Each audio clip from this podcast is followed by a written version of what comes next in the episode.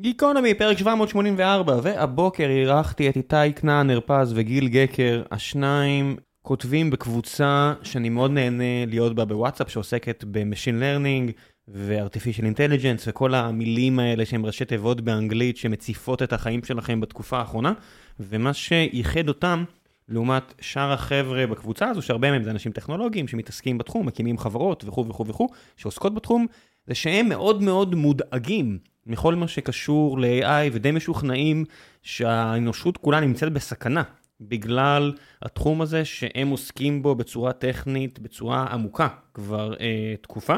וקבענו שנקליט פרק שבו הם יקבלו את הבמה לספר מה מפחיד אותם ואיך מפחיד אותם. וכיוון ששמעתי אה, לא מעט שיחות כאלו לאחרונה, אני הגעתי מן הסתם אה, להיות בצד השני. לא שזה לא מפחיד, אבל כן אה, כדי להיות... אה, מה שאני תופס ככל ההיגיון מהבחינה הזאת, לא שהצד שלהם לא הגיוני, ואין אנשים סופר חכמים ומוכשרים כמוהם ברחבי העולם, מפרופסורים ברמה הכי גבוהה של האקדמיה ואנשי מדע והנדסה, שבטוחים שהאיום הוא אמיתי. אז דיברנו על הצדדים המפחידים של אה, עולם האינטליגנציה המלאכותית, ומה יהיה, ואיך יכול להיות, ושלל נושאים כאלה ואחרים, בפרק שהוא פשוט אה, זרימה חופשית בגיקונומי, זה לא ראיון, זה לגמרי שיחה, אז לפחות הפעם אל תכעסו עליי אם אה, דיברתי הרבה, כי ככה אני אה, ראיתי את הפרק הזה, פשוט בתור אה, שיחה.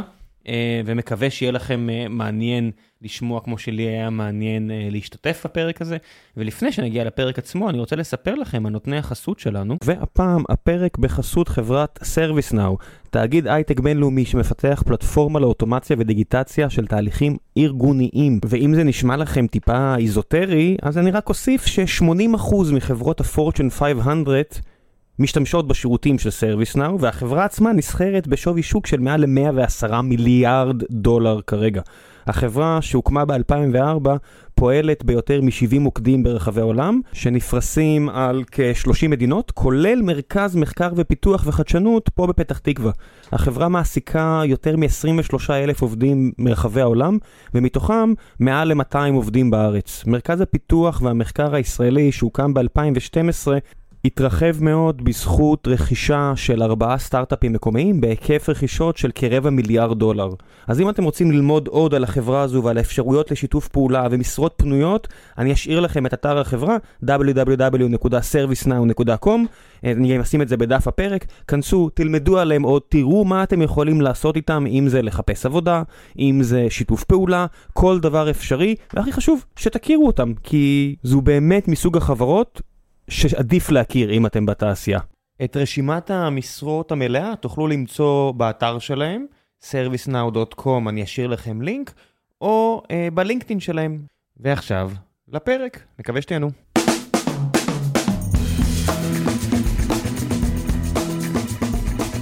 גיקונומי פרק 780 ונראה לי 4 פלוס מינוס כי הולכים להידחף פה בין לבין uh, כמה פרקים. והבוקר יש לי את הזכות הגדולה לארח את איתי כנען הרפז וגיל גקר שני חבר'ה שחברים uh, באותה קבוצת וואטסאפ כמוני שמתעסקת ב-AI ו-ML בארץ ישראל בשפה העברית ופניתם אליי לא מזמן ואמרתם תקשיבו אנחנו רוצים לדבר על כמה AI מסוכן נכון, אז היי, אני איתי, ונראה לי אני אתחיל עם החדשות הגדולות. אני מאמין שהולכים כנראה למות ב-10-15 שנה הקרובות.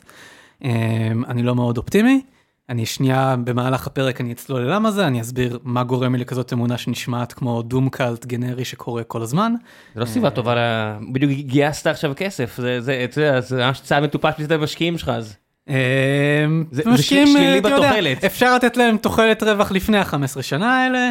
כן, ואני אגיד גם התחלנו תהליך הגיוס לפני זה ובסוף יש כן. פה שאלה של כמה אתה אמור לחיות את החיים האישיים שלך לפי האמונות במקרו על סוגיות מהסוג הזה. לא, באופן כללי מי שמאמין שאין תוחלת, אתה יודע, לקיומנו. זה אמור להשפיע בסופו של דבר. רגע, שנייה, אני מאמין שיש תוחלת, אני מאמין שהאנושות יכולה לשרוד, אני מאמין שאם האנושות תשתף פעולה, היא תצליח לשרוד, ואם לא נוכל להתגבר על האתגרים האלה, וזו הסיבה שאני גם אקטיביסט פה, כי אני חושב שהפער בין אנושות שזורמת עם התמריצים הרגעיים שלה, לאנושות מנסים להכווין אותה להתמודד עם האיום הזה בצורה טובה, הוא מאוד מאוד גדול. זהו, אז אני גם אישית מאמין שיש תציג את תוחלת. אה, נכון, אני גיל גקר, חוקר בחברת. צ'ק פוינט, כן, אני הקול השני פה. אה, אני גם חושב שיש תוחלת למאמצים, וגם אני אישית חושב שהתוחלת קצת יותר טובה מהתוחלת של איתי. אני קצת יותר אופטימי, לא בהרבה. אה, אני חושב שיש עוד מה לעשות, אבל בנקודת המצב הנוכחי צריך לחשוב טוב טוב מה אנחנו עושים באמת. וכן, מי- שנינו מי- מודאגים. מי זה אנחנו? זאת אומרת, בהיעדר אה, תכנון ריכוזי כלשהו, ו- ותחת ההנחה שזה לא... זאת אומרת, יש נגיד העשרת אורניום, מ-235 ל-238, הלוך וחזור, איזוטופים, משתנים, ויש חומר בקיע שמייצר פצצה, סיפור נורא גדול, זה, אנחנו שומעים על זה על איראן ידה ידה המון שנים, בפועל לצפון קוריאה יש נשק אטומי, לפקיסטן יש נשק אטומי, דרום אפריקה אני חושב יש נשק אטומי, יש איזה 12-13 מדינות בעולם, כולל ישראל, לפי פרסומים זרים, עם נשק אטומי אה, כבר 70 שנה, פלוס מינוס, אז האנלוגיה- וזה משהו הרבה יותר מסוכן שלא הצליחו לעצור. אז קודם כל, אני לא יודע לשפוט אם זה יותר או פחות מסוכן, דוגרי, פשוט אני חושב שאנחנו עוד לא שם ב-AI אה, מסוכן.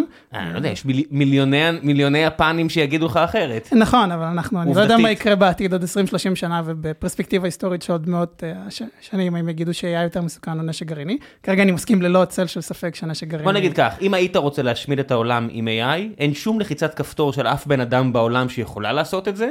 מספר פעמים במאה ה-20 היינו תחת אה, מרחק של לחיצת כפתור מסוף העולם, ממש. האקט של לחיצת כפתור בצוללת סובייטית אנחנו מסכימים, אה, לארצות כן, הברית. כן. עם הקצין הסובייטי שאחרי זה אמרו לו כל אה, הכבוד, ואז פיטרו מטוסים אותו. כאלה ואחרים, כן. ונשיאים אמריקנים, אז אפשר לפחות להסכים שמהרבה בחינות של מיידית, מיידית, מיידית. מייד- מיידיתיות. כן. של, אה, אתה יודע, כמה זמן ייקח עד לבאמת סוף העולם, נשק אטומי די עומד בקריטריונים שמסוכן יותר. חד משמעית, הרבה יותר מסוכן בטווח הזמן הקרוב. אה, אני רוצה להוסיף נקודה קטנה, אני מסכים איתך חד משמעית לגבי הסכנה של נשק אטומי, אני חושב שזו דוגמה לשיווי משקל שכאנושות הצלחנו להגיע אליו. אה, בסוף שמנו כל מיני מגבלות, האנושות קולקטיבית השקיעה מאות טריליוני דולרים לאורך ההיסטוריה במניעת הפצה של נשק גרעיני, הגענו למקום ועדיין. שיש לך בערך שלושה שחקנים שיכולים להרוג, להרוס את העולם ועוד כמה וכמה שחקנים שמשחקים ב stakes הרבה יותר נמוכים בהקשר הנשק הגרעיני. ו... מה- מה- מה זה, למה שלושה שחקנים? אתה יודע, אני אומר, אה, מי פק- שיכול להרוס את פקיסטן והודו אה, פקיסטן מדברים, והודו זה מאוד בעייתי ומסוכן, זה לא, שישית מהאוכלוסייה של של האנושות, כן? אין להם מספיק נשק גרעיני כדי להוות איום קיומי על האנושות. מה זה האנושות? אתה יודע, גם אם ימותו מיליארד אנשים מחר, נכון, נכון. אבל ארה"ב ורוסיה וסין כנראה, סין גבולית, יכולות ללחוץ על כפתור שכאילו אומר שאין אנושות, שכאילו 95 פלוס אחוז מהאוכלוסייה האנושית הולכים למות בטווח זמן מאוד קצר אחרי שלוחצים עליו, ו- זה ו- קצת וזה- שונה. וזה עומד אה, אה, מבחינתך כאנלוג ל-AI? אני חושב שזה אנלוג למקרה שבו הצלחנו להגיע לשיווי משקל שהוא טוב לאנושות, אנחנו בנינו מערכת תמריצים שהיא עובדת, ואלמנט מאוד חשוב מזה הוא שאנחנו הגבלנו את מספר השחקנים. אם היה לך נשק גרעיני לכל מדינה, או אם היה לך נשק גרעיני לכל עיר אפילו, שברור שזה דבר שהוא מונפץ ונשמע there, לא היית מצליח לדעתי לשמור על שיווי משקל הזה. והחשש שלי הוא ש-AI יוביל אותנו למצב כזה, שהטכנולוגיה תהיה יותר מדי נגישה ליותר מדי אנשים, ומאזן אימה הוא לא יצליח להיות יציב בגלל שיהיו לך יותר מדי שחקנים. שאלת גם... אתם אנשים אה, טכניים, אתה CTO, אתה חוקר בצ'ק פוינט, בוא, דבר ראשון, נוריד את האקרנים הזה למשהו טיפה יותר... אה, טכנולוגי וקונקרטי. כן, מה, מה אתם רוצים? מה, מה זה AI? מה זה ML שאתם מדברים עליו אה, שכל כך מפחיד אתכם? אז אני חושב שאני אתחיל מסקירה קצרה ונראה באיזה אזורים שווה להתעמק ויותר לדבר עליהם לעומק. אני חושב שאני אתחיל משנת 2012 פחות או יותר. אמ, יצא מאמר שנקרא אלכסנט, אמ, ובעצם הייתה לך פעם ראשונה שבה יש, יש הסכמה קולקטיבית שיש פתאום אלגוריתמים של מה שנקרא Deep Learning, שאגב חשבו עליהם עוד בשנות ה-70. פעם ראשונה שמצליחים לגרום לאלגוריתם המשפחה הזאת שהייתה עד אז תיאורטית לעבוד ולהיות יותר טובים מאלגוריתמיקה קלאסית, לפני טיפה ליותר מעשור. אמ, ואנחנו רואים שכאילו יש התפתחות, התפתחות, התפתחות, הדברים האלה הם הולכים ומתחזקים ונהיה מאוד ברור. כן, תוכנה וחומרה מתקדמת מאוד לכיוון כן, כן, של אה, אלגוריתמיקה שלומדת לבד, אה, reinforcement learning וכל מיני אלגוריתמיקות כאלה מאוד אחרות. ברור לנו כרגע, אני מזכיר שלפני, אם היית אומר לפני 15 שנה שאתה מאמין ש deep learning זה הדבר שיקדם אותנו קדימה ויביא לנו AI, אנשים מסתכלים לך ואומרים, כן, אולי, אבל לא, זה כמו מחשוב קוונטי, כאילו יש לך... כמו שגם אם הייתי אומר לך ש-GPUs יהיו הרבה יותר חשובים, ש-NVIDIA תהיה שווה פי כמה מאינטל, נכון. גם היית מופתע. אוקיי. נכון. אם לא הייתי מופתע, הייתי פשוט משקיע בזה בעצמי והייתי הרבה יותר עמיד היום. אין אה, הפ- הפתעות טכנולוגיות קורות, יקרו. מסכים, מסכים. אבל בכל מקרה, אז התחיל תהליך כאלה של הולכים ומשתפרים שם המודלים, ולדעתי ב-2019 הייתה מהפכה שנייה ששווה לדבר עליה, שהיא, אני אוהב לקרוא לה מהפכת ה-unsupervised learning. מה זאת אומרת? עד אז הגישה הדומיננטית לפתור בעיות הייתה, אני רוצה לפתח מודל שמתרגם מאנגלית לצרפתית, אני אקח מיליון משפטים באנגלית, אכתוב כל אחד מהם איך מתרגמים אותו לצרפתית, אאמן את המודל, זה הופך לזה, זה הופך לזה, ויהיה לי משהו שיודע לתרגם משפטים מאנגלית לצרפתית. היה לך סוג כנ"ל של- גם במשחקים, זאת אומרת החבר'ה של DeepMind עד אז אימנו למשל את המכונות, את האלגוריתמים שלהם אה, לשחק גו על פי משחקי עבר, ואז בשלב מסוים פשוט אמרו בוא תשחק עם עצמך ותראה איזה טוב תהיה. נכון, אפשר לדבר גם והגיעו הרבה לרמה על- ממש גבוהה במשחקים. גם במעט מאוד זמן, כאילו צריך להגיד, הדבר הזה לוקח מעט זמן GPU. כן, אתה יכול ב... וזה הכל במטרות מאוד מאוד ספציפיות, עם פונקציית מטרה מאוד צרה. מאוד ספציפית. עזוב צרה, היא מאוד ספציפית. זה אומר תרגום שפה, זה אומר אה, משחק כלשהו. נכון. זה מה שאוהבים לקרוא לו narrow AI, כלומר כן. AI שמתמחה מאוד. מומחה. שפונקציית המט- שפונקציית המטרה מוגדרת היטב. נכון. ואתה יכול לתת לה ניקוד לתוצאה הסופית ולצמצם או להגדיל את הניקוד הזה ועל פי זה לפעול. בדיוק. יש באמת הגדרה למה זה ניצחון. נכון. מהמם. זה בדיוק מה ש... בעצם זה בדיוק לא מה שנקרא General Intelligence, כלומר, כשאנחנו מדברים על חששות ועל דברים שאני מדבר על עשרות שנים קדימה, או אולי מאות שנים קדימה, אה, אז אנחנו מדברים על artificial general intelligence, כלומר, general במובן שכמו שבני אדם הם גנריים יחסית, כלומר, אני יכול לזרוק אותך ותסתדר אה, גם על הירח, למרות שהטבע מעולם לא הכין אותנו ללהסתדר על הירח, או להסיע מכונית על הירח. אה, אלפאגו במובן הזה, שיש לי חיבה אישית אליה, כי אני נכנסתי ככה לתחום, היא באמת מאוד מאוד צרה. אה, אבל אותו DeepMind אגב, התחילו כבר עוד מזמן להתעסק כבר בדברים קצת יותר גנריים, למשל אחד מה-AIים שהם פיתחו, אני לא זוכר כבר לפני כמה שנים, אה, הוא גם אה, מסוגל לשחק כמה משחקי אטארי ראשונים, כלומר הרחיבו את הדומיין טיפה. שמעתי הרבה ראיונות עם הסביס, עם המנכ"ל וה founder, והוא אומר שבאמת ה-holy grail זה באמת אה, מכונה חושבת באמת, שיודעת אפילו לקדם את האנושות מבחינת מתמטיקה. זאת אומרת, גם הקיפול חלבונים שהם עשו, שהוא כנראה עבודה של נובל בשנים הקרובות, שהם יקבלו עליה, היא עדיין אה, בסופו של דבר חשיבה צרה. נכון, בעיה סופר חשובה לאנושות, אבל עדיין מוגדרת היטב עם תנאי ניצחון ברורים. אגב, אני אטען שגם מתמטיקה אפשר להפוך לכזו, אני ספ- ספציפית זה ממש תחום שהתעסקתי בו יחסית הרבה. Um, אתה יודע להפוך מתמטיקה לאוסף חוקים נוקשים, והאמת זה איזה פרויקט צד שיצא לי לעבוד עליו לא מעט, ו... למאזין התמים אני רק אגיד, יש הרבה אה, אנשים ב top של ה top שעדיין מתווכחים על זה. אה, אתה יודע, זה קצת אמ, כזה גדל ואיינשטיין הולכים מחוץ לפרינסטון ורבים. אני שונא להיות זה שכאילו מנסה להגיד לא בעצם יש קונצנזוס כי תמיד זה קצת שקר שאומרים את זה אבל אני כן אתן רגע את הכרטיס של בעצם יש קונצנזוס כי גם OpenAI כאילו מניח הם עושים חידות יש להם צוותים שמה שהם עושים זה לפתור חידות מתמטיקה בעזרת מה שנקרא Lean שזו בעצם שפת תכנות להוכחה פורמלית. ואנחנו יודעים החל מבערך 2020 פחות או יותר הייתה פריצת דרך לדעתי האחרונה. אנחנו יודעים כמתמטיקאים בצד המתמטי לעשות רדוקציה לכל ה... כל הדברים שאנחנו עושים לפעולות אטומיות מאוד פשוטות. אז בתיאוריה אתה יכול להפוך מתמטיקה, תחשוב על מתמטיקה כמשחק גו גדול אבסטרקטי, לדעתי. אה, טוב, זה גם תלוי בסוף גם מה ההגדרות. אה, הרבה פעמים האנושות נתקלה בקיר ופשוט המציאה לה מתמטיקה חדשה עם בלק ג'ק לגמרי. ופרסטיטוטס, אה, וזה עבד. כן. אתה יודע, אולי, אולי המתמטיקה הבאה שתומצא בכלל תהיה איזה הברקה של אלגוריתם. יכול להיות. מה, מה הסכנה הגדולה? מעבר אמ, לכל הבעיות התיאורטיות האלה של ניתן את השליטה על הנשק האטומי למחשב, והמחשב יחליט שאם הוא צריך לפתור את הבעיה, אז הבעיה היא האנושות, ופשוט נעלים את האנושות. אז אני, חוש... אני חושב שאפשר לפרק את זה לשני, נקרא לזה, שני עמודים, עמודי תווך מרכזיים של הבעיה. עמוד אחד נקרא לזה העמוד הטכני.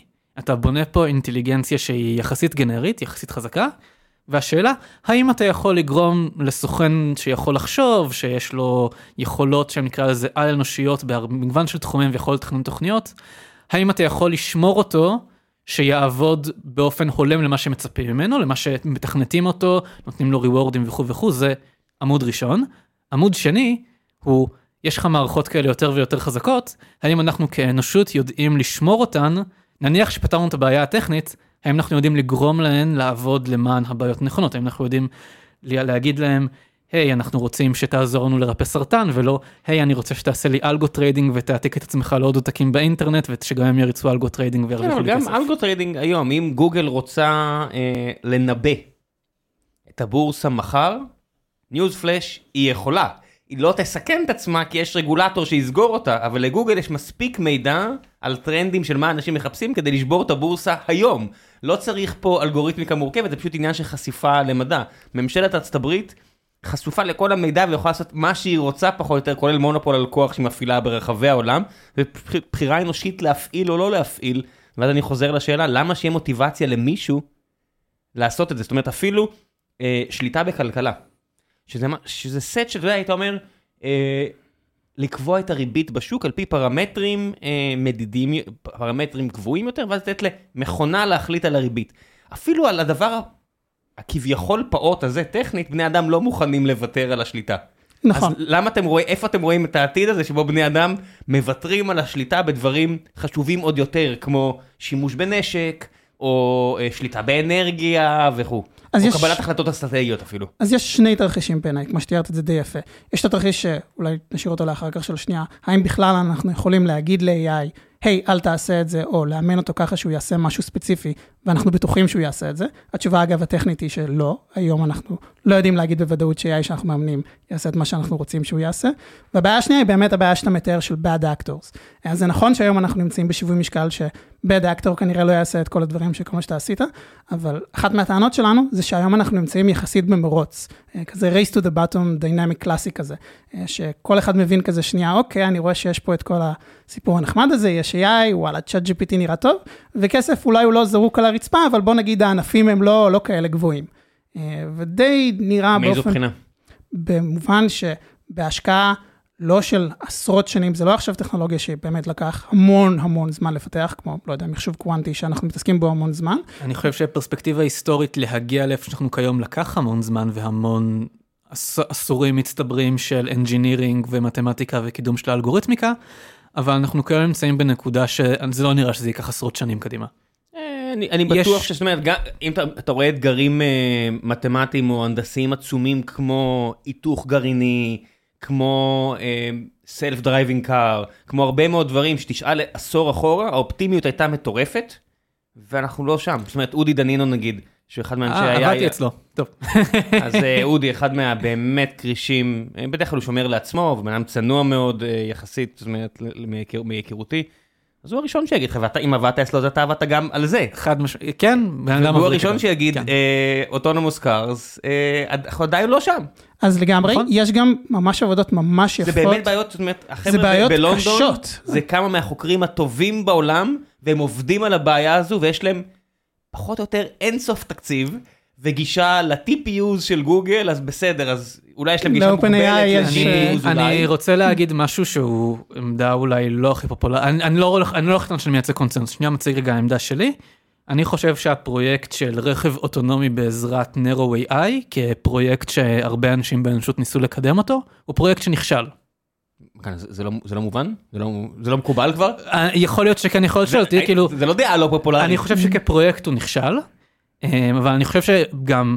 זה שהוא נכשל לא אומר שפרויקטים אחרים בהכרח ייכשלו, לא, ואני רק אומר ש... שזה לא כזה טריוויאלי, שגם אם תשקיע כל כך הרבה כסף, ופה אנחנו מדברים על כמה מהחברות, גוגל, אגב, טסלה. ממש עכשיו, ב... ממש ביום כיפור הזה, אתמול, אמזון השקיעו 4 מיליארד דולר ב-Anthropic. עד 4 מיליארד. אתה יודע, כמי ששוחה במים הרדודים של... זה... יכול להיות שיש פה hype marketing לא, לא נכון. לא, כי ההשקעה של אמזון, אה, להבנתי, שהסתכלתי על מה יצא, זה ב compute ו storage. ואז עולה השאלה, האם ההשקעה היא לפי כמה שזה עולה להם, כמה שזה היה עולה לאנטרופיק אם הם היו קונים את ה resourceים האלה, וברגע שיש לך גישה אינסופית ל resourceים אתה מתחיל להשתולל, ובסדר, אתה יודע. ככה או ככה, אני אומר, הכמות כסף שהולכת להישפך על לחזק AI כן. הולכת לגדול. כן. ואני חושב שעוד פעם, צריך להגיד, הרבה אנשים בתחום טוענים שהדבר, כאילו, אני חשבתי שהדבר הזה הוא נורא, היית שואלת אותי לפני שנתיים מהיום, עד כמה לדעתי זה קרוב, והייתי אומר לך, תקשיב, זה בעיה לעוד 40 זאת אומרת, שנה. כן? של אה, ג'- אה, של General אה, Artificial Intelligence? כן, כן. AI שהוא חזק במידה מסוכנת, אתה אומר, טוב, תקשיב, בעיה לעוד 20 שנה, 40 שנה, 50 שנה, נתקרב ונפתור את זה. היום יש... היום הרבה אנשים חושבים שאנחנו במקום שאנחנו התקרבנו. כן, כן, לא, הד- הדעה שלכם היא לא, זה לא שאתם אה, שני אנשים שעומדים וצועקים, העולם שטוח, תיזהרו לו להתקדם, ניפול מהצד. כמה אה, מטובי האנשים בתחום. אה, מקס טגמרק. כן, למשל, אתם יכולים לשמוע ארבע שעות שיחה אצל אקס פרידמן, יושב ומסביר בדיוק למה הוא חושב שהעולם הולך להגיע לקיצו, ואפשר להגיד על החבר'ה האלה הרבה דברים, אבל טיפשים הם לא. כן. זאת אומרת, זו לא דעה שהיא מופרכת לגמרי, פשוט אני מודה שאני אישית עדיין לא השתכנעתי, זאת אומרת, עדיין לא... אומרת, אולי בגלל שיוצא להיתקל בהרבה פוליטיקאים, כן. ברמה, כי, לא ברמה, אבל בתפקידים נורא בכירים, טיבו של אדם הוא לא לוותר על כוח. חד משמעית. אז נראה לי ניקח את זה, באמת נחזור שנייה לשני הכיוונים, אמרנו, יש bad actors ויש את העניין של בכלל AI שיוצא משליטה. אז bad actor, מסכים איתך, לא בטוח בכלל שממשלת סין תרצה להחליט ולהפעיל משהו אה, כזה ואומרת, היי, אני רוצה לאבד שליטה. אגב, בכלל, מבחינת רגולציה, סין הרבה יותר טובה מארצות הברית וממדינות אחרות. טובה או רעה, הרבה יותר קשוחה הרבה מבחינת יותר רגולציה. קשוחה, כן, לגמרי, תיאור טוב. בואו נדבר שנייה אולי אז על התווך הראשון של כאילו, למה באמת כל האנשים האלה במגדל השן באקדמיה חוששים מ-AI שיצא מחוץ לשליטה. אה, הנחת יסוד מספר אחת, אה, שאפשר לערער עליה, אבל שהכיוון שאליו הולכים עליו בתעשייה היום זה סוכנים. אה, כלומר, זה מאוד נוח, למשל יש את agent GPT, שזה מימוש מאוד בסיסי של הרעיון הזה, אבל באידיאל כל אחד היה רוצה שהיה לו איזה עוזר AI, שאתה אומר לו, תקשיב, אני צריך לסדר את זה, אני צריך שתעזור לי שנייה למכור את הדבר הזה, והוא רץ איתך. שבוע אחורה, שוב, אני, חשוב לי להדגיש, זה לא איזה רעיונות מופרכים, רק לפני שלושה ארבעה ימים, מנכ"ל מייקרוסופט עומד על הבמה, לא מדבר על Windows, לא מדבר על Surface, מדבר על כך שקו-פיילוט, אותו רכיב אה, שזמין עכשיו ב-VS Code, ב-ID, בסביבת הפיתוח של כה רבים מאיתנו מפתחים, יהיה בעצם משהו גנרי לכל אחד ואחת מכם, תמיד. השאיפה החדשה של מייקרוסופט, כמו שהם רצו שווינדוס יהיה בכל מקום, מהשרת ועד למובייל, עכשיו הם רוצים ש-Copilot יהיה בכל מקום. לגמרי, גם צריך להגיד שאם באמת נפתור את הבעיה הזאת של AI safety, אני בעד. בסופו של דבר זה מאוד יכול להעצים את החוויה האנושית ולהביא המון prosperity.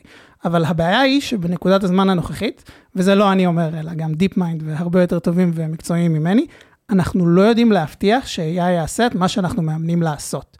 אה, יש שתי בעיות, שתחת כותרת אחת, שנקראת ה-alignment problem, שאנחנו לא מצליחים, בשיטות הנוכחיות של Machine Learning, אין לנו דרך להבטיח שהמודל שאנחנו מאמנים יעשה את מה שאנחנו רוצים, ובמקרה היותר חמור, ירצה את מה שאנחנו רוצים שהוא ירצה. אה, אולי נראה לי כדאי שווה לצלול לזה רגע. צריך רגע להגיד, אה, צריך לזכור שאנחנו רואים מילים כמו ירצה, או מילים כאלה, אנחנו אינהרנטים האנשה פה למודל, ואני אני לא מנסה לטעון בשום שלב שהדבר הזה הוא עם תודעה, אני חושב שאין להם תודעה, אני לא חושב שיש לנו כיוון לפתח תודעה במודלים האלה. קיינמן והרבה מחבריו גם עם תודה. אני- לגמרי. אני כנראה, אני... תחת ההנחה הזו, אני חושב שיהיה להם הרבה יותר קל לשכנע אותי שאין לי תודעה, מאשר לשכנע אותי שיש למודלים האלה תודעה. לגמרי, נראה לי הדיון הפילוסופי הצידה. אה, כן. אז אם נצלול שנייה לבעיית האליימנט, נראה לי נתחיל בהפשטה שלה, ואני אדבר שנייה אה, על Outer Alignment, ואז אני אדבר על Inner Alignment. Outer Alignment זה הבעיה שאני אוהב לקרוא לה הילד המעצבן. אם לצורך העניין אתה אומר לילד שלך, תקשיב, אני לא רוצה שתאכל גלידה בסלון, אז אתה הולך, הולך לחדר, הכל טוב, חוזר אחרי חמש דקות, ואתה רואה אותו אוכל ארטיק בסלון. אז אתה אומר לו, מה, אבל אמרתי לך, ואז הוא אומר לך, אבל ארטיק זה לא גלידה, בחייאת. כן, בעיה מוכרת דג נראה לי. הזהב, אה, אל ת- תבקש מש- משאלות נורא נורא נורא נורא ספציפיות, אחרת זה הולך לנשוך אותך בטוסיק. בדיוק, והיום הדרך שבה אנחנו אומרים למודלים, אה, היי, בוא תפתור בבקשה את הבעיה הזאת, אז לדייק מאוד מאוד, באמת כמו חוזה משפטי, חור אחד, והיה מוצא דרך אה, הווה ונתחכמה לו. זה הבעיה מספר אחת. עכשיו, הלוואי והיינו מלמדים ילדים ככה, והלוואי והיינו מתכנתים מערכות AI ככה. היום בפועל, מה שקורה, אני אתחיל שנייה אולי עם האנלוגיה, לזרום אותה ואז נצלול לטכני, זה שמה שאנחנו אומרים זה, hmm, אנחנו צריכים לחנך ילדים. אני יודע, בוא נבנה מערכת חינוך, והמערכת החינוך הזאת תחנך ילדים. אנחנו אומרים למערכת החינוך, בבקשה תדאגי שהילדים שלנו יצאו טובים, ואז המערכת החינוך אומרת, אה, אוקיי, אני צריכה לחנך אותם, מה אני אעשה? אה, אני אעשה בגרויות, ואם יקבלו ציונים טובים בבגרויות, זה אומר שהם למדו מה שהם צריכים לעשות. ומה הילד לומד? Hmm, אם ההורים שלי ממש ממש אוהבים אותי, ואני שם את השליפים בדיוק במקום הנכון, מעולה, הצלחתי. היי חבר'ה, לפני שנחזור לפרק הזה, אני רוצה לספר לכם על נותני החסות הנוספים שלנו, והפעם זה איש יקר שאפילו התארח כאן בעבר. משה פרידמן, שהגיע לדבר על השתלבות של חרדים בהייטק, והשאיר גם אה, אחלה של מידע אחריו באותו פרק, ואני אתן את הלינק גם אה, לפרק עמו, בעצם מדבר על הבעיה הזו עכשיו ורוצה לקחת אותה הלאה. ואני מניח שכולנו יודעים שכמות החרדים בהייטק היא לא גדולה. אבל יש נתון אחד שרובכם לא מכיר. בשנת 2022 הוציאו כלל האוניברסיטאות והמכללות ומרכזי הכשרה בישראל כ-7,500 בוגרי מדעי המחשב והנדסה. בזמן הזה אה, היו 28 סמינרים ושבעה מרכזי הכשרה שהוציאו 1,500 תלמידים ותלמידות חרדים למקצועות הטכנולוגיה. זה מספר בלתי נתפס כמעט, שבעצם מצביע שבזרם שנכנס להייטק, החרדים כן יכולים להשתלב וכן יש ייצוג שלהם, והמספרים האלה הולכים וצומחים במהירות משנה לשנה. אז מה שעשינו אז בפרק עם משה, ומה שאני רוצה לספר לכם עכשיו, זה כן שאפשר לחשוב, ואפשר להגדיל את הדייברסיטי, את הגיוון בחברות שלכם, ולהכיר טאלנטים שלא הכרתם עד היום ככל הנראה, כי זה פשוט עניין של מעגלים חברתיים כאלה ואחרים, ואלה החבר'ה החרדים.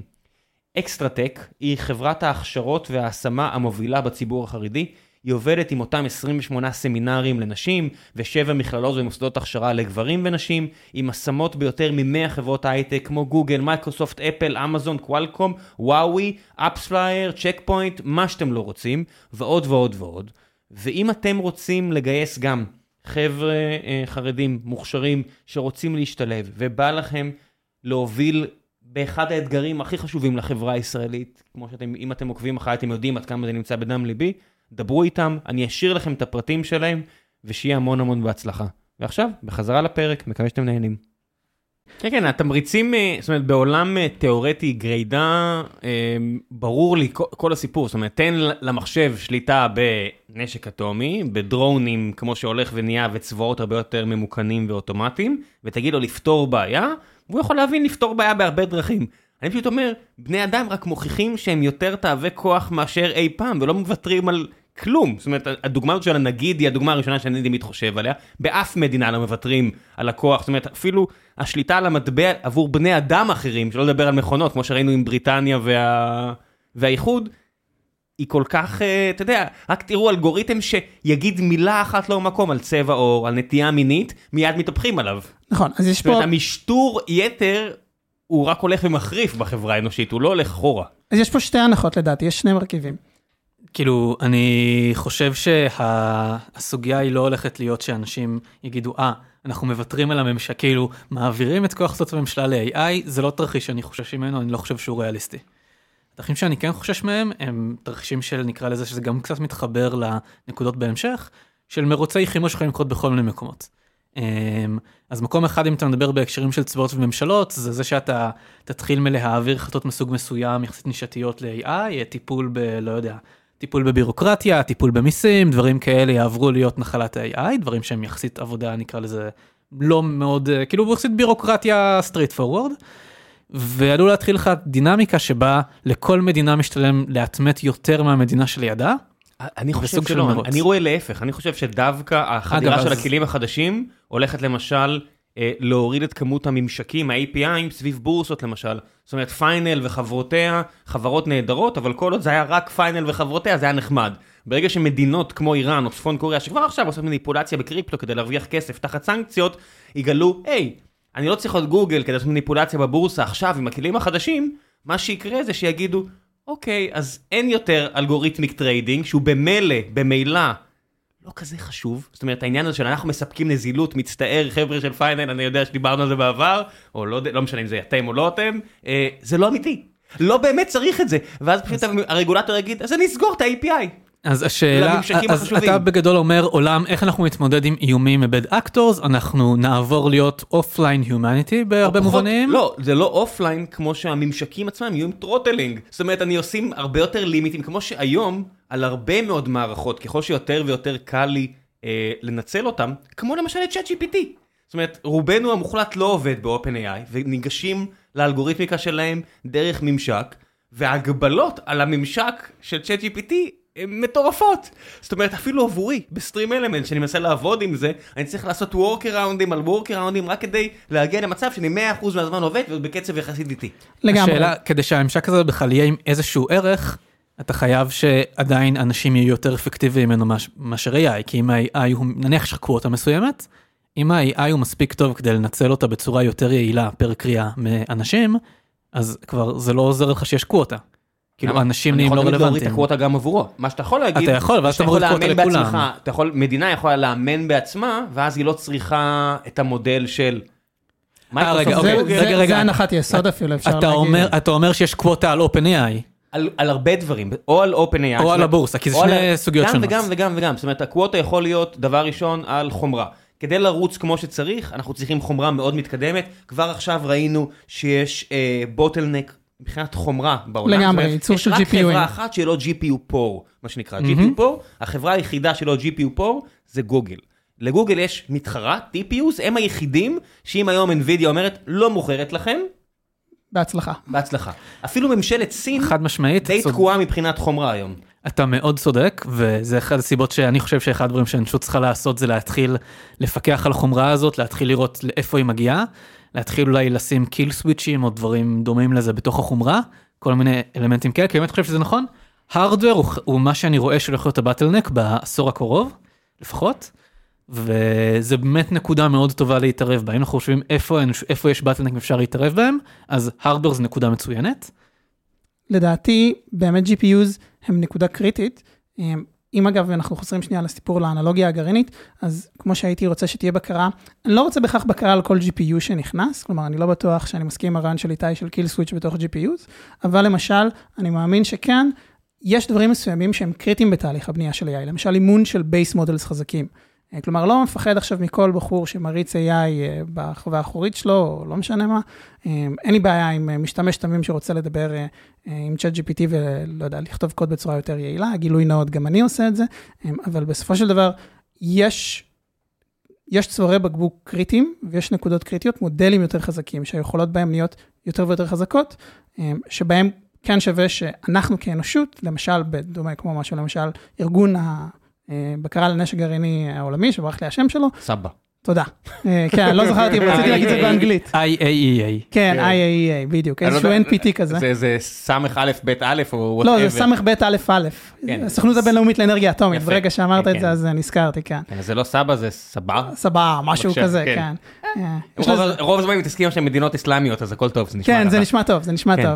אמ, אז מה ש... הנקודה היפה אגב, אה, אם אנחנו ממשיכים אגב עם ה- הסיפור הזה של אנרגיה גרעינית, זה שבטבע יש, ל... אה, כשיש לך הרבה הרבה דברים, כשיש לך quantitative change, כלומר, אה, כשיש לך כמות מסוימת של חומר שמגיעה למסה קריטית, אז נוצר בעצם גם שינוי איכותני, כלומר, שינוי כמותי מייצר שינוי כמותני.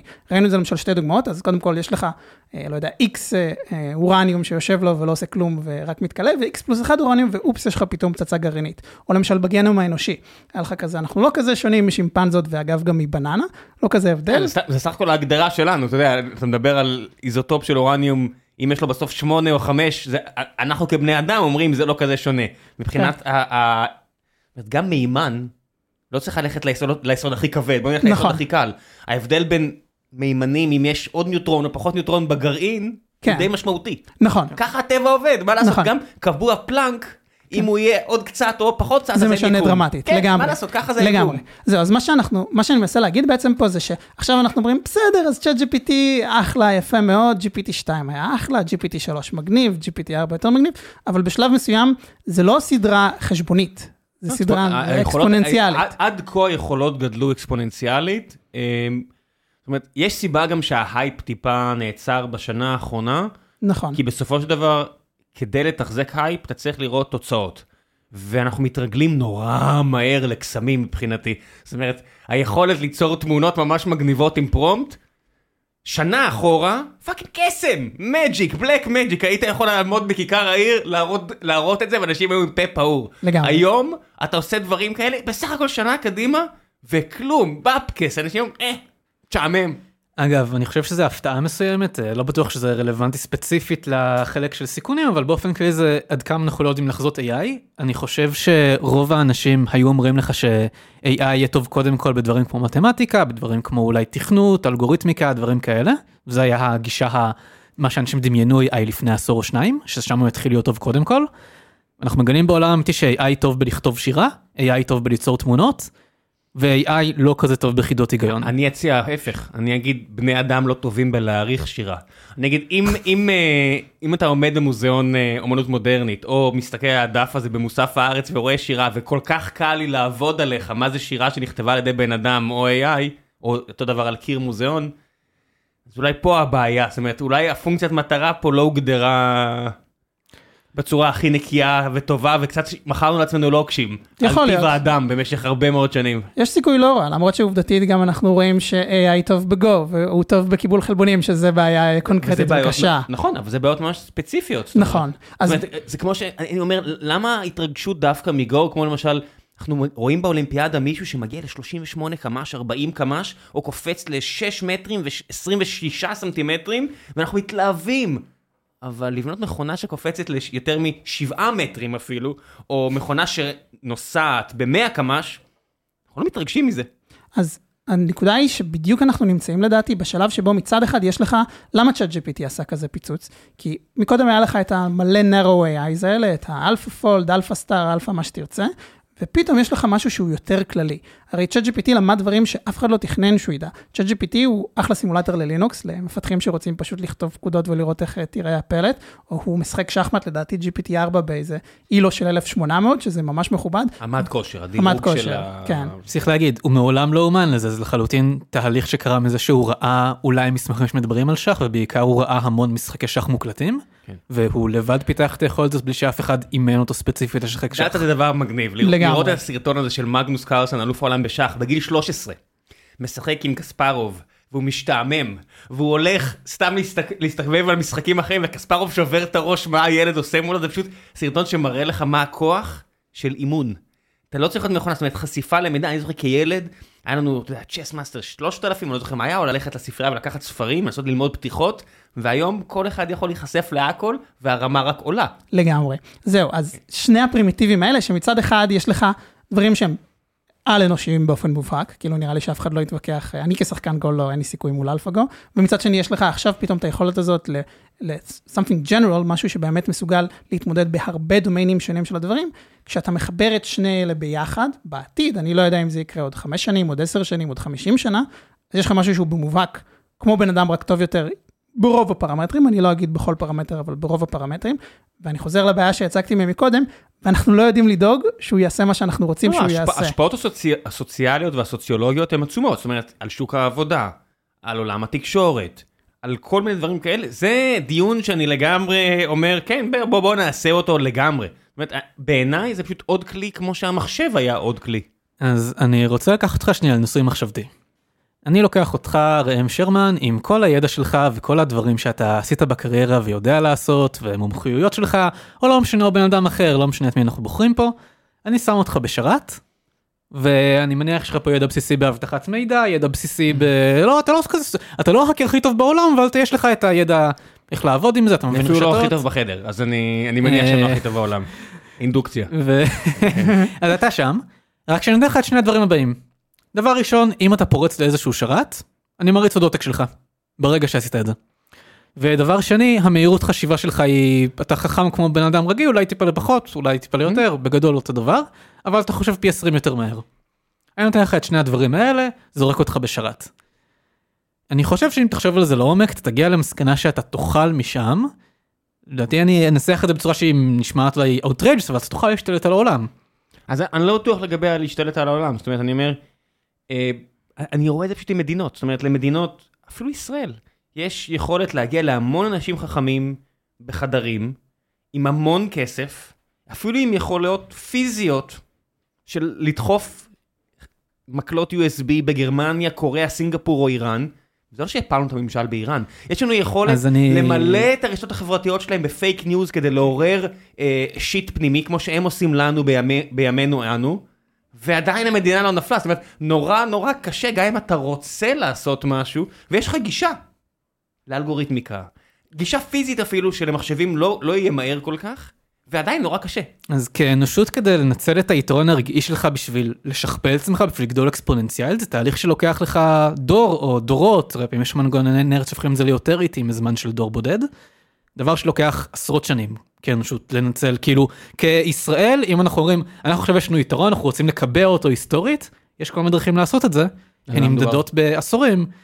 אני אומר, אני רוצה להשוות פה להקבלה למצב של כ-AI על שרת, שמשיג יתרון רגעי, כלומר, הצליח לפרוט עכשיו ל-20 שרתים, שנייה אחרי זה יש לך 21 AI שרצים, והם בלתי תלויים אחד בשני, הם לא צריכים לישון, הם לא צריכים לאכול, כן, יש, אבל מה הם יכולים? לשתף פעולה בצורה מושלמת. זה כן, ההבדל הוא שכשישראל היא כארגון משיגה, נקרא לזה, השפעה על איזשהו אזור באיראן, היא לא משכפלת את ישראל בתוך איראן. אוקיי, אז, אז זה ישתכפל, אבל בסופו של דבר אתה יושב על חומרה, אמ, זה קוד. זאת אומרת, עד שאין לו גישה למשהו פיזי, מה, מה האיום הכי גדול? לא- להפיל את רשת החשמל במדינה...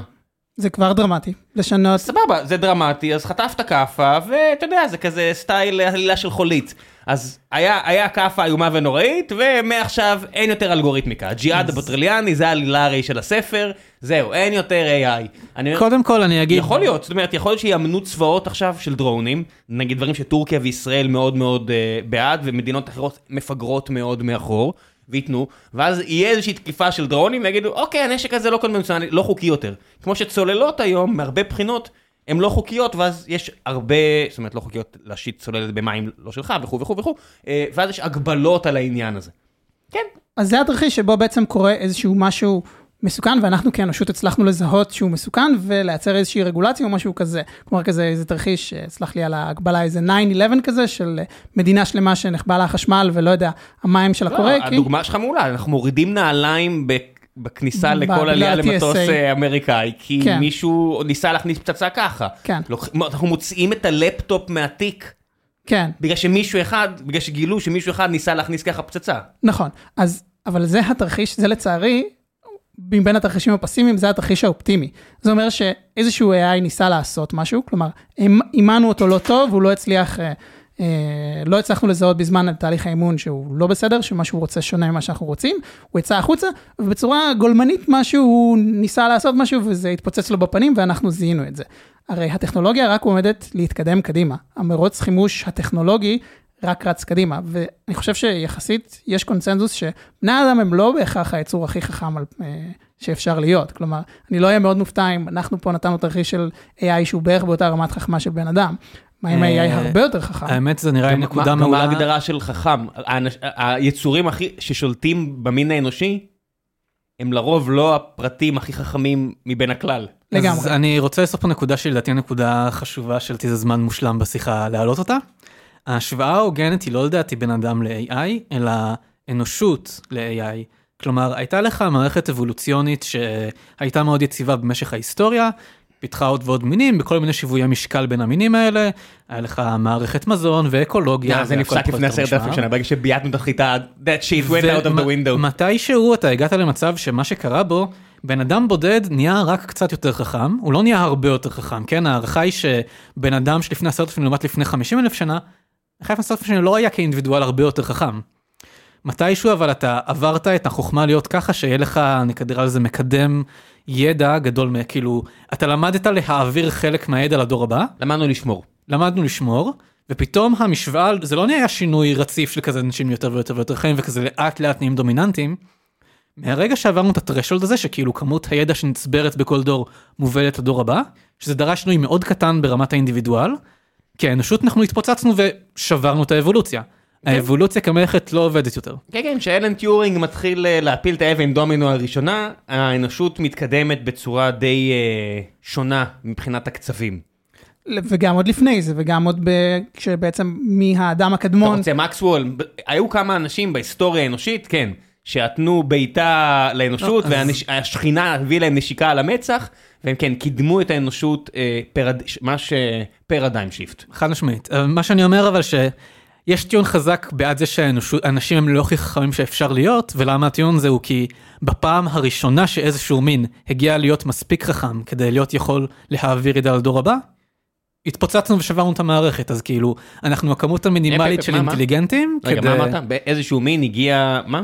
אנחנו היינו הפעם הראשונה שאיזשהו תוצר של האבולוציה, מה זה היינו? אה, עודנו. עודנו, כן. עודנו. אנחנו הפעם הראשונה שאיזשהו תוצר של האבולוציה היה מספיק טוב כדי להיות יכול להשיג איזשהו יתרון ולהוריש אותו לדור הבא. כן, אז יגידו לך אנשים, אז אומרת, אם אנחנו ישחקו איתך את המדע בדיוני הזה, יגידו, בסדר, אז אולי כרגע יש אנשים דום מסצנריו בצד השני של בלי AI, בלי כלום, מפוצצים את האטמוספירה בעוד ועוד uh, תוצרי שריפה של, uh, מנו, של uh, חומרים פוסיליים כאלה ואחרים.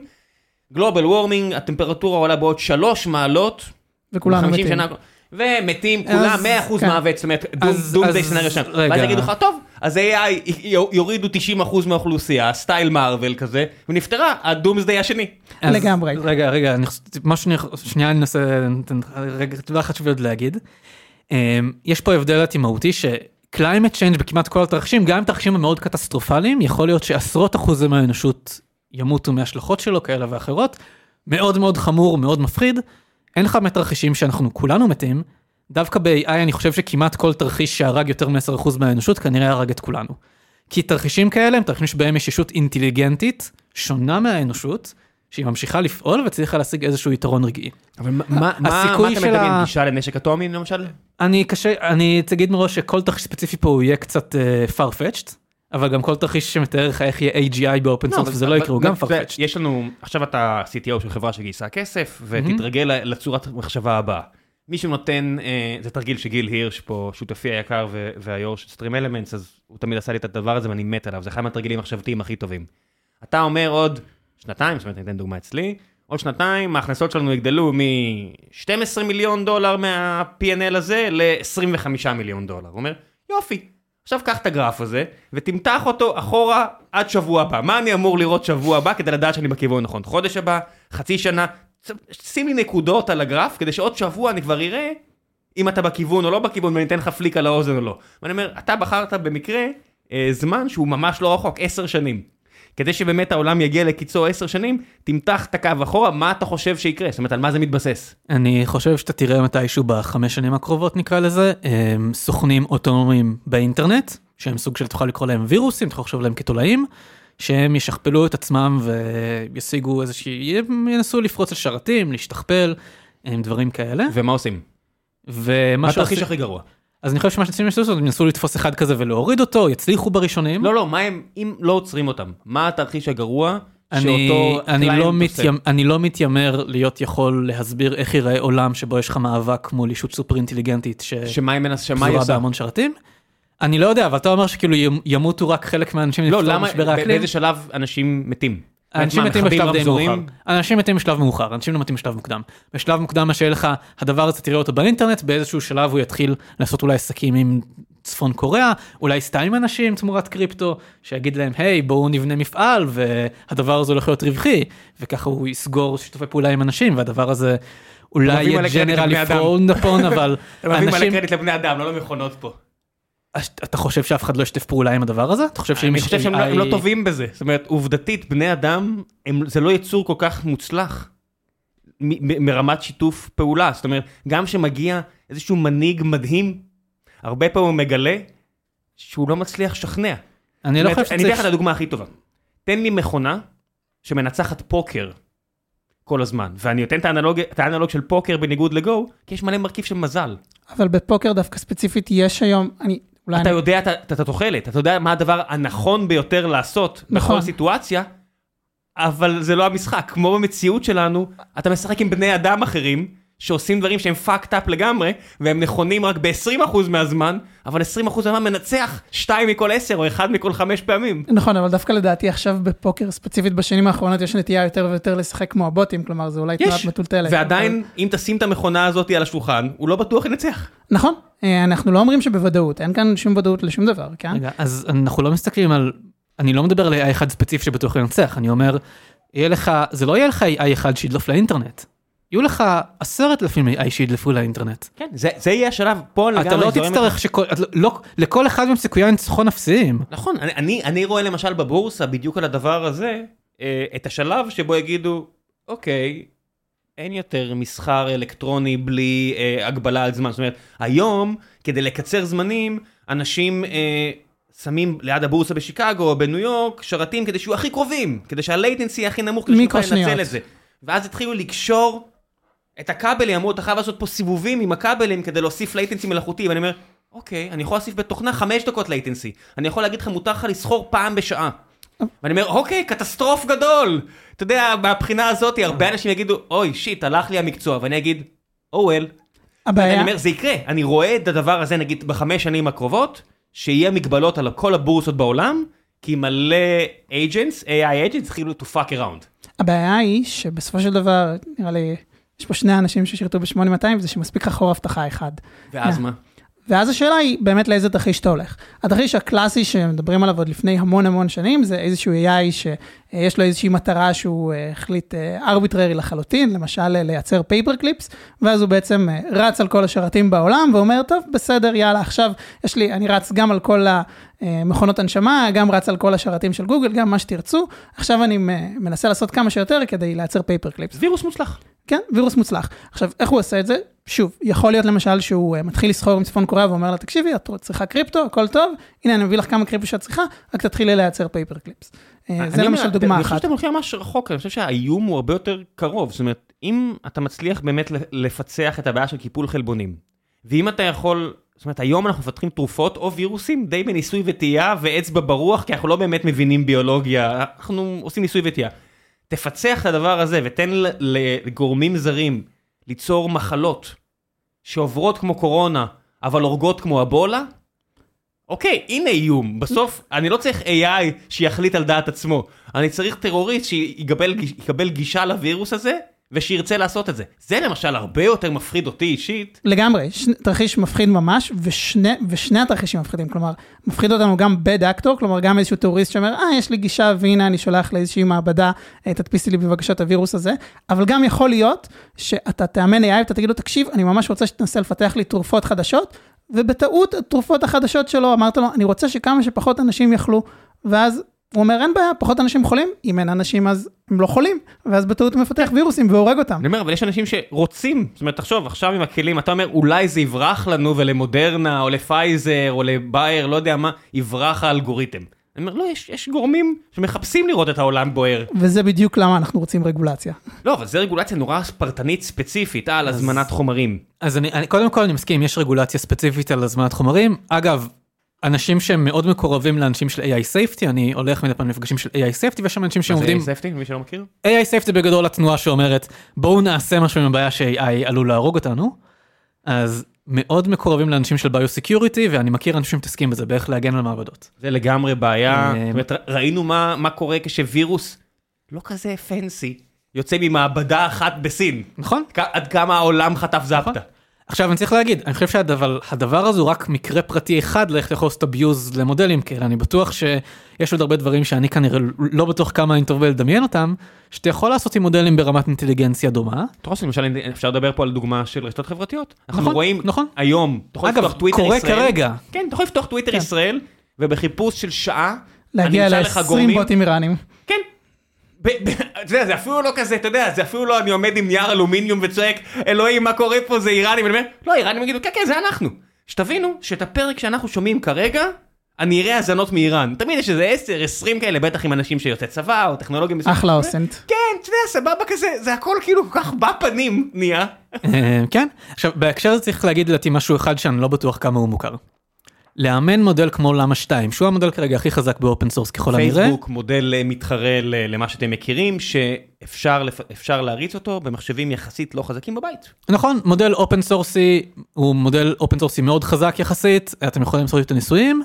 הוא לדעתי הרבה פחות חזק ממודלים של OpenAI כרגע, debatable, אבל זו לא הנקודה שאני רוצה לדבר עליה. לאמן את המודל הזה עלה עשרות מיליוני דולרים, לפתח אותו ולאמן אותו, ופשוט גם compute ולהביא לו את כל הדאטה וכל סכום הדברים כסף האלה. עצום. נכון, זה לא ואז משהו יש לך 400 שפרקטי. ג'יגה יושב על USB קי וזהו, נגמר. זה- אפשר לשכפל את זה בחינם. יש לך 400 ג'יגה USB קי, ומה שאבל בעייתי, כמה עולה לי לקחת, המודל הזה ימנו אותו עם הגנות, שהוא לא יגיד לך דברים שאתה לא אמור להגיד לך, הוא לא יגיד לך, כדוגמה, ממש עשו ניסוי, האם הוא ייתן לך הוראות איך לפתח נשק ביולוגי, לפי מה שהוא מכיר, והוא מסרב להגיד לך המלצת פייסבוק, הם עשו עבודה טובה, הם די אליינדים. כן. כמה עלה לחוקרים לקחת את המודל הזה, האופן סורסי. ולגרום לו גרושים. לרצות להגיד לך את כל לא, הדברים לא, האלה? גרושים, גרושים. התשובה היא 800 דולר של כן, גרושים. השקיעו בזה. גרושים. והיחס הזה אנחנו צופים שהוא יישמר. החלק היקר פה הוא לקחת את האוסף הענק של המספרים האלה, הכאילו אקראיים, ולגרום להם לייצג איזשהו משהו אינטליגנטי. המודל הזה הוא בסוף טראבייטים של משקולות. מידע הופך לקומודיטי. הדבר באמת שמשתנה פה, זאת אומרת, היה לנו כל מיני מהפכות. עכשיו אנחנו חווים את המהפכה שלכל אחד יש יכולת להגיע להמונים. זאת אומרת, תחשבו כמה הדבר הזה, אנחנו מקליטים פה עכשיו, ישמעו אותנו 25 אלף אנשים. מהמם, היכולת לעשות את זה לפני בסך הכל כמה שנים, הייתה אפס. מהמם. נוצרה, נוצרה מהפכה. התחילה עם אפל, ידה ידה ידה, לא, לא סיפור גדול. טוויטר גרם לכך שכל בן אדם יכול לצבור קהל בתיאוריה ולהגיע לגודל מסוים. עכשיו גם הדאטה עצמו הופך לקומודיטי. נכון? הופך למשהו שידע ביולוגי, ידע פיזיקלי, ידע על תכנות. מהמם. זאת אומרת, אנשים היום מתחילים לקודד בלי שהם בכלל מבינים מה הם עושים. לגמרי, ואני חושב שזו תופעה חיובית. שוב, אני לא חושב שאו איתי או אני חושבים ש-AI זה משהו רע. אני משתמש בזה יום-יום, ואני מקווה ש-AI יקדם את האנושות ויעשה דברים טובים. פשוט, כמו שאתה לא רוצה שהידע, כאילו ידע גרעיני זה טוב ואפשר לעשות עם זה אחלה אנרגיה ירוקה ולפתור את הבעיית התחממות הגלובלית, איך ליצור מזה פצצה קצת פחות הייתי רוצה. וסתכל מה קרה, זאת אומרת, באמת אם אתה מביא את הדוגמה של למשל גרין פיס, שהקדישו את חייהם למאבק באנרגיה גרעינית, וחבר'ה מגרין פיס, כולל מי שהקים את גרין פיס ישראל, ישב פה ואמר, איזה טעות זו הייתה. I really regret making that decision. לגמרי, כן. לגמרי. זאת אומרת, אני מסתכל גם, מסתכל על AI, ואני אומר, אוקיי, בעולם שבו העולם לא מאוחד, אנחנו לא מצליחים אפילו להיסגר על מיסוי. נכון. אירלנד עושה נו נו נו נו לכל העולם, אומרת לכו חפשו, אנחנו פה, race to the bottom, מתחילים לב- לבכות כמה שאתם רוצים, אוקיי, אז ארצות הברית תשים מגבלות, אבל היריבים שלה לא. נכון, מה שפשוט, הנקודה שלי מהקודם, מהסעיף הקודם הייתה, עולם שמלא אנשים רוצים אותו, עולם שבו יש לך ב open source AI חזק, הרבה אנשים מפנטזים על העולם הזה, זה, הוא עולם שבו יש AI חזק בלי שום מעצורים, לשחקנים אחרים שאתה יכול לדמיין. כי העלות של לקחת מודל כזה ולשנות את הצורה, ש... את הדברים שהוא רוצה לעשות, אחרי שהוא כבר אינטליגנטי, עולה סדרי גודל פחות מאשר האימון הראשוני שלו. זה כנראה כבר עכשיו בצפון קוריאה, בשימוש, למה? Um, אני לא בטוח שיש להם את התשתיות לזה וזה, אבל אני לא אופתע אם בסין מתחילים כאלה, בקוריאה, כן, יתחילו, יתחילו דברים כאלה. אגב, רגע, לפני שאנחנו מבקרים סין, כמו שכבר אמרנו, חשוב להגיד, במערב אנחנו מאוד אוהבים to frame it איזה מאבק בין אם אנחנו לא נשים גז בכל הכוח על החברות שלנו ואופן AI, אז הסינים יעקפו אותנו והם ישתלטו על העולם. במבחן התוצאה הסינים מאוד מרסנים את עצמם לפחות מהסיגנלים שרואים בחוץ וגם נראה שפשוט אין להם גם את הטכניקה נו-האו כרגע כדי להיות פה איום אמיתי. וקצת משתמשים בזה כ talking point כדי להימנע מלהאט כן, ולעצור. אבל אז אז אתה יכול להתקדם 20 שנה ואז 15 שנה אחורה, אז אתה מבין, אתה אומר, הטכנולוגיה של עוד של עוד 15 שנה, אם היא תהיה בשימוש עוד 20 שנה, היא עדיין מפחידה. נכון. אז גם אם סין תהיה טיפה מאחורה, תמיד lag אחד אחורה, יהיה להם את הטכנולוגיה, אז מה זה משנה, זה קבועי זמן כל כך קטנים בסופו של דבר, זו לא הבעיה. מה אתה עושה? זאת אומרת, החברה שלך מספקת הגנה ל... לא, Ditto Fitness אנחנו מאמן כושר מבוסס AI, אנחנו נו באמת, עם כל הדברים האלה לא הלכת בסוף על איזה הגנה ב-LLM או אה, הכל? קודם כל אנחנו התחלנו לפני שיצא ChatGPT, הבנתי. אה, אז זה היה עולם שבו זה פחות ברור שזה הדבר הגדול שקורה. בסדר, אני לא מזלזל, כן. אה, אבל אני אגיד מה שאנחנו עושים בגדול גם זה החלטה באיזשהו מקום לא להצטרף למרוץ כאילו אם אתה עובד על LLM זה גם על הגנה שלהם אתה בסוף חלק מתעשייה שהיא עוזרת לרוץ קדימה לכל התחום הזה. ואתה לא הרגשת בנוח? אני לא חושב שזה בהכרח דבר הנכון. אה, אני אגיד אני עושה מה שאני מרגיש איתו הרבה יותר בנוח. מה שאנחנו עושים אנחנו עושים א' כל עיבוד תמונה אנחנו מסתכלים על אנשים מתאמנים עושים סקווטים אומרים להם האם הסקווטים שלך הם נכונים או לא. נותנים להם תיקונים הולי ובעתיד גרל של הרבה אנשים שאני מכיר שהתעסקו בתחום. כן זה כן. בעיה כל כך לא טריוויאלית. כן והחלק גם אתה רוצה לעשות להם גיימיפיקציה לגרום שזה יהיה כיף בסוף הרבה מהמטרות שלך. אה, לא שיחה על זה אבל Ditto Fitness Ditto dot fit. אה, אנחנו גייסנו רגע כסף. אה, אז אה, כן, אם בא לכם לעשות משהו טוב ולעזור לאנשים לעשות סקווטים כמו שצריך ולשבור את הגב שלהם, תשאיר את המייל שלך, יהיה לינק בהערות הפרק. כן, אני אשים את הלינק, אבל אתה רואה, אפילו הדבר הזה, בסופו של דבר, יהיה לו השפעה על מקצועות שיעלמו. וזה מה יש. נכון. אה, ברור. בעולם כזה שיהיה מסך שאתה תעמוד לידו, והוא יגיד לך, אתה לא עושה נכון, תעשה הפוך, בלי בן אדם, זה נגיד, אני מאוד משוכנע שתוך 10-20 שנה יהיה. ברוב חדרי הכושר. ברגע שאתה יודע, המחירים ירדו ו- ויהיה הגיוני לעשות את זה. אנחנו אגיד- לא מנסים לעצור נראה לי את הרכבת, כלומר יש פה הסכמה נראה לי יחסית בחדר שבסופו של דבר Twitter bots הולך להיות uh, בעיה, AI ו deepfake הולך להיות בעיה. Um, מה שאנחנו מנסים להגיד זה אם לחזור לדוגמה שלך למשל של גרין פיס, זה ש... תשמע, אם הצלחנו ב- בגרעין, גם אם לא פתרנו את זה ועכשיו אנחנו חוששים שלסעודיה יהיה גרעין וכולי, הצלחנו לעכב אנחנו את עוזרים זה. להם להשיג את הגרעין. כן, אני לא אגיד את דעתי על אנחנו, לא זה. יודע מי זה אנחנו, אבל כן. בדיוק. אבל הצלחנו לעכב את זה, והצלחנו, אה, למרות ה-race to the bottom, ולמרות שלכולם, לכל העולם ואשתו היה אינטרס להגיע לנשק גרעיני, הצלחנו כאנושות איכשהו לייצב את כל העסק הזה. אה, עכשיו, גם היה לי חשוב לציין שאני לא בעד, אני לא נגד שנקדם AI, אני לא מאלה שאמרו, אה, the printing press is bad, לשרוף את הדבר הזה, חס וחלילה שיהיה AI. ברור לי שקדמה טכנולוגית מתקדמת, וה... this, אה, מה שנקרא, ship has sailed long ago. מלא אנשים מתו בגלל ה printing press. נכון? אה, מלא מלא מלא מלא אנשים, זאת אומרת, אם אין printing press, מרטין לותר לא מצמיד שום דבר מודפס לכנסייה, המלחמות העיקרים באירופה לא מתקיימות, זאת אומרת, יש הרבה מאוד אנשים שהתפגרו בטרם עת בגלל... אבל אי. אפשר, לה- רגע, אבל אי כל- אפשר להחזיר את השד כל, לבקבוק. כל שינוי טכנולוגי גדול אתה יכול להגיד שיש לו פה את ה winners ו losers ואנשים שבאופן עקיף הפסידו בגללו וזה נכון או באופן ישיר. או באופן ישיר אני אגיד אני חושב שזה בסדר שאנחנו אם נעבור לעולם שבו המקצוע הרבה מקצועות ייעלמו ויחלפו ב-AI אולי אפילו נוכל להגיע לעולם שהוא פוסט סקרסיטי מה שאנשים אוהבים לקרוא לו שרוב האנשים לא יצטרכו לעבוד ההשפעה אני חושב שזה דבר היא- מדהים אני לא חושב שזו בעיה אני בעד זה. אני, אני לא יודע, בסוף זה, אני כנראה לא אהיה פה כדי אה, לדון בבעיה או אי בעיה הזו, מ- מ- כי כך. אז אה, אתה תופתע, כי דווקא הסקרים האחרונים שעשו, עשו כמה סקרים לאורך השנים, אגב, שאלת כמה מהר זה מתקדם. אה, ב- בנקודת הזמן הנוכחית, ה meta-analysis של כל הסקרים וכולי, אומר שגם החוקרים הפסימיים ביותר, שמים חסם עליון של 40 שנה. 40 שנה אני לא פה. גבולי. בממוצע, אני- אני לא, אמר- תוחלת החיים זה לדעתי מה, שליש יום על כל אה, יום שאנחנו מקבלים, או משהו כן, כזה? זה ממש שם אותי בקצה, זה ממש שם אותי ממש בימים אבל זה החסם האחרונים. העליון, זה. כמו בסיינפלד, ראית סיינפלד, אתה יודע, כן. שאתה- שאתה זקן ואתה עושה רוורס, אתה כבר לא מסתכל, הוא תפקר, זה הכל טוב. כן. בסופו של דבר, אבל אתה רואה תהליכי עומק, שיש הרבה פחות בני אדם באירופה, כי הם בוחרים נכון. לא להביא סוף, אפילו טורקיה, המדינה עם הכי הרבה ילודה באזור הזה, הם פחות משתיים, ו-2.1 זה קצב ההחלפה. כן, יש אנחנו טורקים ש- חריגים. לא, אנחנו, אנחנו מאוד חריגים. אבל אני אומר, בעולם שיש הרבה פחות בני אדם, תשמע, אז אני חושב שה timeline שלי הם הרבה יותר קצרים מ-40 שנה. אני אתן פה איזה data point. אתה עשר אה, שנים, פתחת את הפרק עם... אה, כן, כן, כן, אני, אני מאלה שדומרים כמו שאומרים, כן, או איך שלא תסתכל על זה. אמ, אז מה שיש לי להגיד פה זה data point שהוא מעניין. באופן פריודי היו עושים סקרים שהיו שולחים למומחי AI, מתי לדעתכם יקרה X, מתי לדעתכם יקרה Y, אוסף מאוד גדול של שאלות, היו עושים, עושים את זה פריודית כל הזמן. ואנשים באופן סיסטמטי טעו להיות אופטימיים יותר מדי, היסטורית כמעט כל הזמן, כן? כזה. עד 2020, תמיד בשאלונים האלה היו תחזיות מומחים, ההתקדמות הייתה פחות טובה מהתחזיות האלה.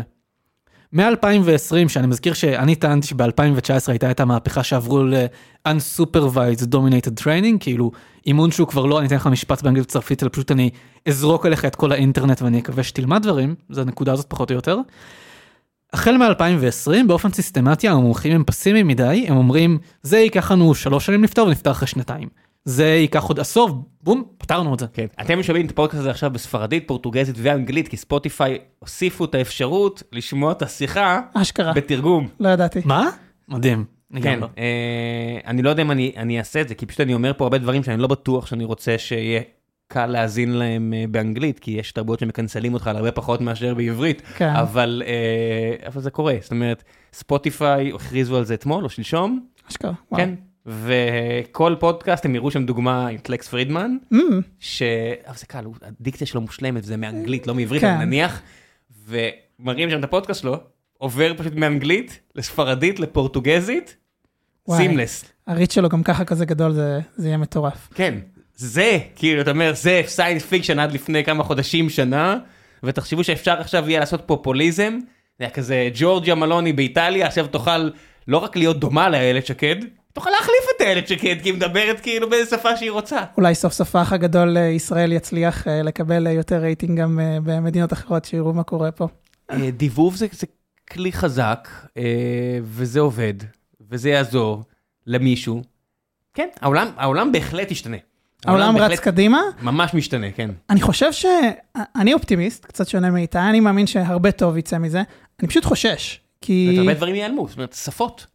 מה יהיה החשיבות ליצור בעברית, ואנחנו רואים את זה כבר עכשיו, כמות הספרים שנכתבים והכל, כשהיכולת, גם. בלי לדעת, לכתוב ולדבר ולהתנהל בשפה אחרת, תרד לאפס. אני אגיד שזה כבר משהו שלדעתי מתחיל לקרות, אני חושב שהפעם האחרונה שקראתי ספר בעברית הייתה לפני שנתיים או משהו כזה, ואני קורא כל הזמן באנגלית למשל, ואני אני לא עושה את זה כדווקא, כאקט התרסה, פשוט זה באופן טבעי, ההמלצות הספרים שאני קורא הן באנגלית, והספרים המקצועיים שמעניינים אותי הם ברובם באנגלית מלכתחילה. ואני אני אוהב לקרוא בעברית. זה- עברית זה כיף. אני מאמין לך, אני גם אוהב, פשוט לא, זה פשוט קל זה לי. קורה, זה, עובדתית זה קורה שהמון אנשים אתה תראה כיום, כן. הם פשוט באופן טבעי מתקשרים באנגלית, קוראים באנגלית, צורכים תוכן בעיקר באנגלית. כן, אני, אני מאזין בעיקר באנגלית, ואני קורא בעיקר uh, בעברית ספרים, זאת אומרת מאמרים וטקסטים זה כבר יוצא שהרוב הוא אנגלית. פשוט, איך- אבל אני, אני מניח שאצל הילד שלי זה כבר יהיה שונה.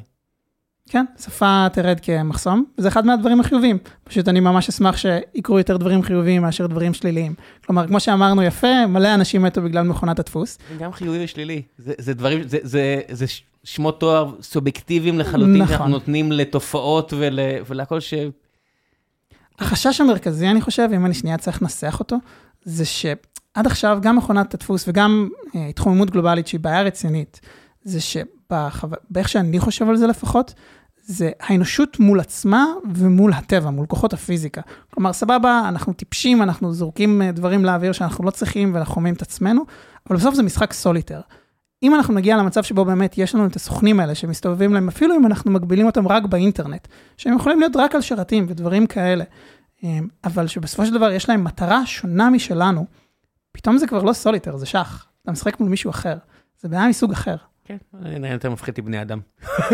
אה, ממש לא. אני פשוט אה, חושב, כמו שאתה אמרנו, מצד אחד בסקאלה, בני אדם הם סופר חכמים, מצד שני, כאילו, the dumb shit we do, זה מספיק dumb shit אחד, כאילו, אתה יודע, איזה שליט צפון קוריאה שאומר, אה, אתה צריך, אה, אני רוצה ביטקוין, תביא לי ביטקוין, אה, אין בעיה, אני אביא לך שליטה אני אומר, רגע. ברגע לא שחסמים שצפון יורדים קוריאה, לפיתוחים, אתה צריך שמרק צוקרברג או יאן לקון שהוא מאוד ווקאלי לכיוון הזה, יגידו אה אנחנו משחררים לאופן סורס משהו ברמה של GPT 4.5. למשל, או, או, ואז אתה יודע, אתה לא יכול להיות מנס ציונה, אתה או לא יכול מ- לשלוט על זה. או מוואן, לגמרי. או מקום באיראן, ומישהו שבאמת לא היה לו כוונה לשחרר קורונה שהורגת כמו אבולה, אבל התפלק לו. נכון. זה יכול לקרות גם עם AI, כאילו אני אקח את. לא, אני אומר, בזכות כן. AI, זאת אומרת, היכולת לפתח קורונה שהורגת כמו אבולה. למרות שאתה אנשים שבאמת מבינים בווירולוגיה וכאלה יגידו, אבל אם קורונה הייתה הורגת כמו אבולה, היא לא הייתה היא לא הייתה מתפשטת ככה. מתפשטת, בסדר, סבבה, בסדר. אבל אז אני יכול לתת זמן דגירה של 50 יום, זאת אומרת, אם אני יכול לתכ- לתכנן וירוס עם פרומפט, כן. אני יכול לתכנן וירוס אולטימטיבי. נכון. או לחלופין, אני יכול להגיד לו, אה, תריץ לי את התחנות כור הגרעיניות האלה, ואופס, בטעות. אתה יודע מה אה, מבאס אבל? שזה לא נותן לנו יותר ידע. בניגוד לכל המפעל האנושי הזה של ידע שנבנה, זאת אומרת, דברים כמו וירוס של כלבת. איך לכל הרוחות כל כך מעט חומר אורגני, ביולוגי, DNA, RNA, מצליח לעשות דברים כאלה מטורפים, להשתלט על יונקים, לייבש להם את ה... אחרי שזה עוזב את המוח, לייבש להם את השפתות כדי להעביר יותר טוב, להטריף אותם, להרחיק אותם ממים, כל הדברים האלה, איך הווירוס הזה עושה את זה? אנחנו עדיין לא יודעים. אז אני מקווה לעזור AI. נדע. כן. כאילו, אני חושב שזה הולך להיות the age of miracles and disasters קצת. אני לא בטוח שאנחנו נדע, אני חושב שדברים ייפתרו, זה קצת כמו שאנשים מתבאסים על מתמטיקה אה, מונעת AI, שההוכחות, זאת אומרת, ההוכחות הן פחות יפות. זאת אומרת, אני לא בטוח שנדע יותר, כמו שדברים פשוט יעבדו. כן, יכול להיות נקבל שהשוליים יהיו. צרים מדי מכדי להכיל את אה, את ההוכחה. פשוט, פשוט נתחיל לקבל, אה, אתה יודע, דברים שעובדים, כן. נהפוך להיות, אתה יודע, מהבחינה אותי טיפה יותר טיפשים. זאת אומרת, לא נדע למה. תשמע, למרות שהם יביאו לי עכשיו הוברבורד כמו כאילו ב-Back to the Future, אז... אה, לא, לא יביאו. לך- בהתחלה מעובד שלך לא, בוא. לרובנו המוחלט, אני במילא לא יודע גם את הרוב המוחלט של הדברים. זאת אומרת, זה גדול עליי מבחינת הידע המדעי, אני אומר, אבל אם עכשיו ייתנו לך וירוס שיודע לפרק מגנזיום לאנרגיה, לא יודע מה, ולא תדע למה הוא עובד. נכון? אגב, אחד היתרונות של ה-AI הוא שבעוד שבן אדם לפני 100 שנה, או 200 שנה בוודאות, היה יכול להכיר כמעט את כל מה שקורה במדע, במתמטיקה, בדברים האלה, לפני 200 שנה היית יכול להכיר הכל. אם אתה בן אדם מאוד משכיל וזה, it was possible. היום, כיום זה בלתי אפשרי, אתה, אתה יכול להשקיע חיים שלמים בלנסות להיות ג'נרליסט ולהכיר הכל, פשוט יהיו המון תחומים שאתה אפילו לא תשמע עליהם. כן, האנשים הכי חכמים והכי ג'נרליסטים כמו סטיבן וולפארם, רחוקים שנות אור מכמות הכיסוי ידע שהיו לפני 200 שנה, והם באמת סדרי גודל יותר מאנשים חכמים אחרים. כן. כן, זה... אני אומר, אני, זה- המציאות החדשה. אני רואה שאתה מזכיר כמה פעמים מתמטיקה, אז אני אזכיר בעצמי, אני מאוד חובב מתמטיקה ואני... תוכנה מתמטיקה. לא, לא, לא, אה. לא, מתמטיקה כ... אה, אני- גם ממש אוהב מתמטיקה, התוכנה. אני גם, לצערי כבר לא בה. גם התוכנה אני מאוד אוהב אותה, אבל לא דיברתי על זה. כן. אוילר כמתמטיקאי, הוא בתקופה שהוא חי בה, הוא הכיר כמעט את כל המתמטיקה שהייתה, זה היה לפני מתמטיקאי 200 הכי פורה שנה. בהיסטוריה, כן. הכי הרבה משפטים על שמו. כמעט כל תחום כיום מתמטיקה מודרנית, אנחנו נלך כמה שכבות פנימה ויש שם תגליות של אוילר. כן. הוא פשוט, הוא הכיר את כל מה שהיה בתקופתו. אבל כיום, את רוב מה שהיה בתקופתו. כיום יש לך אנשים שהם prodigies אמיתיים, אה, טרנס טאו, בן אדם שבגיל 6 כבר התחיל PhD או משהו, אני מגזים קצת כנראה, אבל משהו בסגנון הזה. הוא מכיר כמה תחומים ספציפיים, כן, והוא נחשב מאוד, הוא מאוד מפורסם באיזשהו generalist שמכיר המון תחומים, ועדיין הוא לא מכיר אה, את הרוב. סהרון שלח כזה שהוכיח כמות משפטים שהיא דומה לאוילר לעניות דעתי, משהו מטורף לגמרי, כולם בלוגיקה. אוקיי, אני לא יודע איך הוא בין, אתה יודע מה, קומבינטוריקה, נומריקה, whatever, דיפרנציאלי, תוסיפו את המילה דיפרנציאלי לכל תחום אפשרי. ואז פתאום זה שונה. גיאומטריה אלגברית. כן, אתה יודע, כל אחד מאלו, וזהו. יש המון המון ידע היום וטכניקה.